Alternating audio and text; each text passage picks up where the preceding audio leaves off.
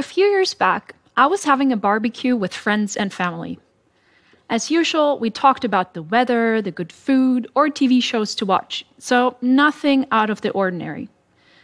Until one attendee casually mentioned that he and his wife hadn't had sex in a long time.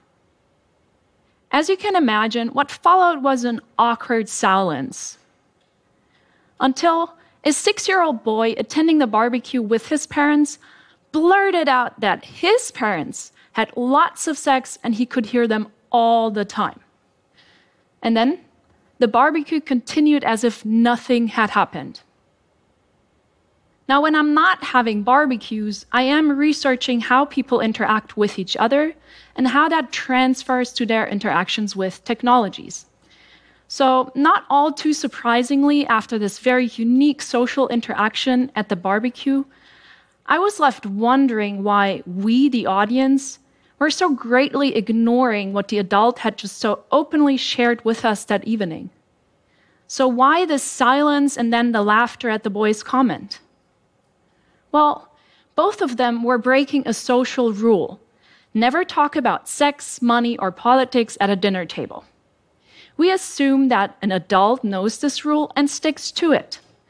So, when such expectations are broken, we sanction the offender accordingly, in our case, with ignorance. When a child, however, breaks such a rule, we attribute this to their naive understanding of our social manners, and up to a certain age at least, do not openly sanction them for it. Clearly, there is no official rule book for socially appropriate behaviors or even socially accepted dinner topics. In fact, our social norms are usually unwritten codes of conduct, and they change over time as we as a society change and learn. Less than a year ago, for instance, it was considered impolite not to shake hands when introducing yourself to someone. A few months and the worldwide spread of the coronavirus later, and shaking hands may be something to be frowned upon and maybe even a thing of the past. The way we learn these social rules then is mostly by social rewards and social punishments. Now, as social animals, we aim for social approval and want to avoid others' disapproval. So we act in a way that is socially accepted and present ourselves in a socially desirable way to others. So we want to be seen as an individual that is smart, successful, sporty, and active, creative, empathic, and possibly all that at once. Now, through social media, our strive for social approval, and with it, our need for self presentation and perfection, has skyrocketed. Clearly, there is a flip side to all of this. In any social interaction, we do not only look for others' approval, but we also constantly fear others' disapproval when we cannot live up to their expectations. Just consider an adult with incontinence problems or a drug addiction. If he or she had to talk to a healthcare professional, what would you expect to find? Or if a soldier returned from combat and had to talk about their fears or problems, do you think they would open up easily? A team of US researchers examined just that. So they looked at the data from the US Army. Traditionally, soldiers had to be interviewed by a human healthcare professional when returning from combat to check if everything is okay.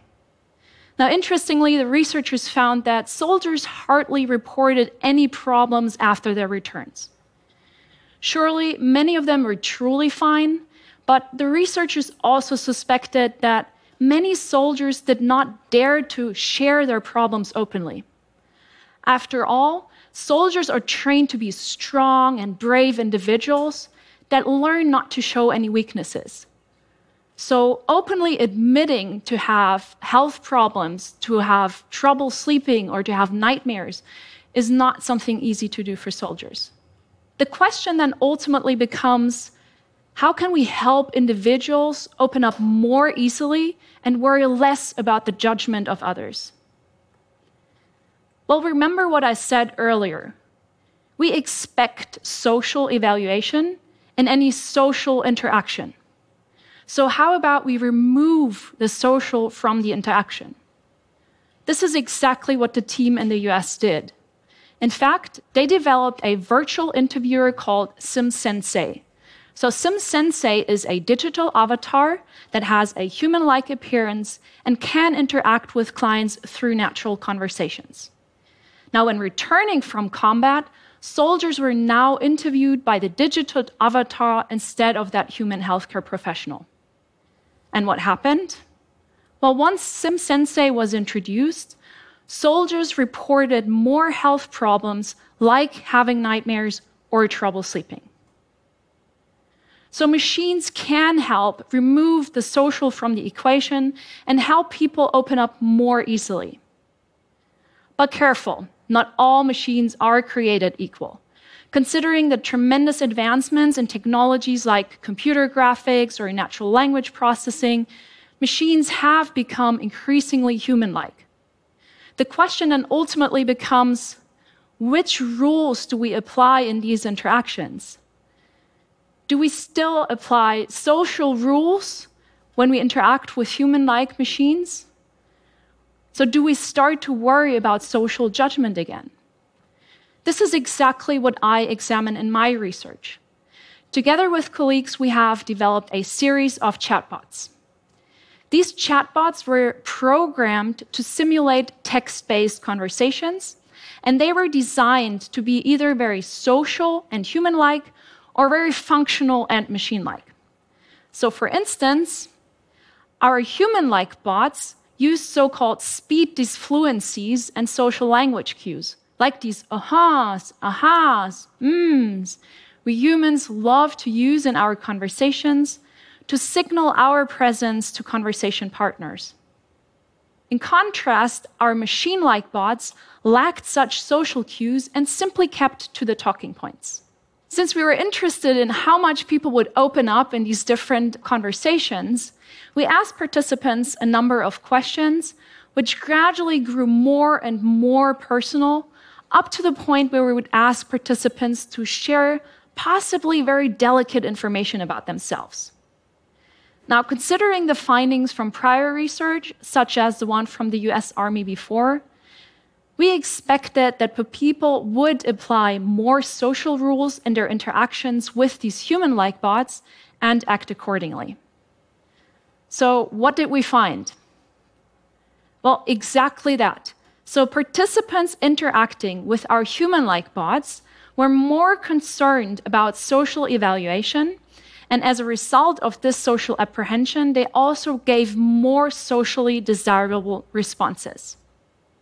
Let me give you an example.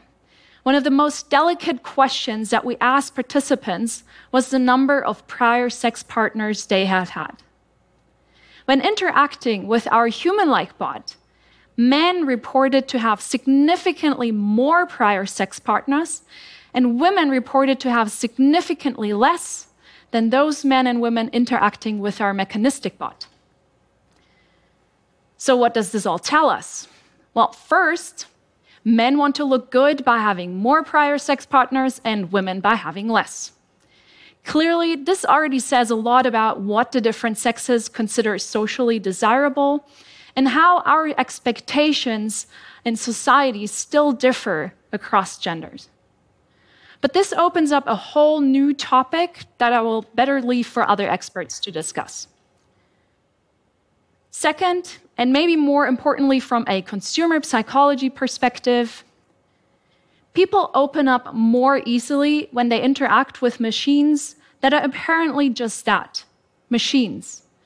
Today, a lot of sweat, money, and tears is put into making machines basically indistinguishable from us. Now, this research can show that sometimes letting a machine be a machine is actually a good thing. Which brings me to my third point. These machine interactions have been highly criticized at times. So you may have heard that Siri, Alexa, or others make your kids rude or impolite.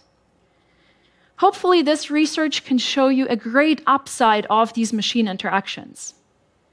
In times of social media and our constant hunt for the next like, machines can give us grown ups, help us find that inner child again, and give our constant need for self presentation and perfection a timeout. For once, we do not need to worry if the number of prior sex partners is too high or too low, and instead, it is okay to simply be who we are. Ultimately, then, I think that these machines can remind us of a central element of what makes a good conversation partner being non judgmental. So, the next time you might encounter a unique social situation like mine at the barbecue, try to be less judgmental when another person openly shares their thoughts, feelings, and problems with you.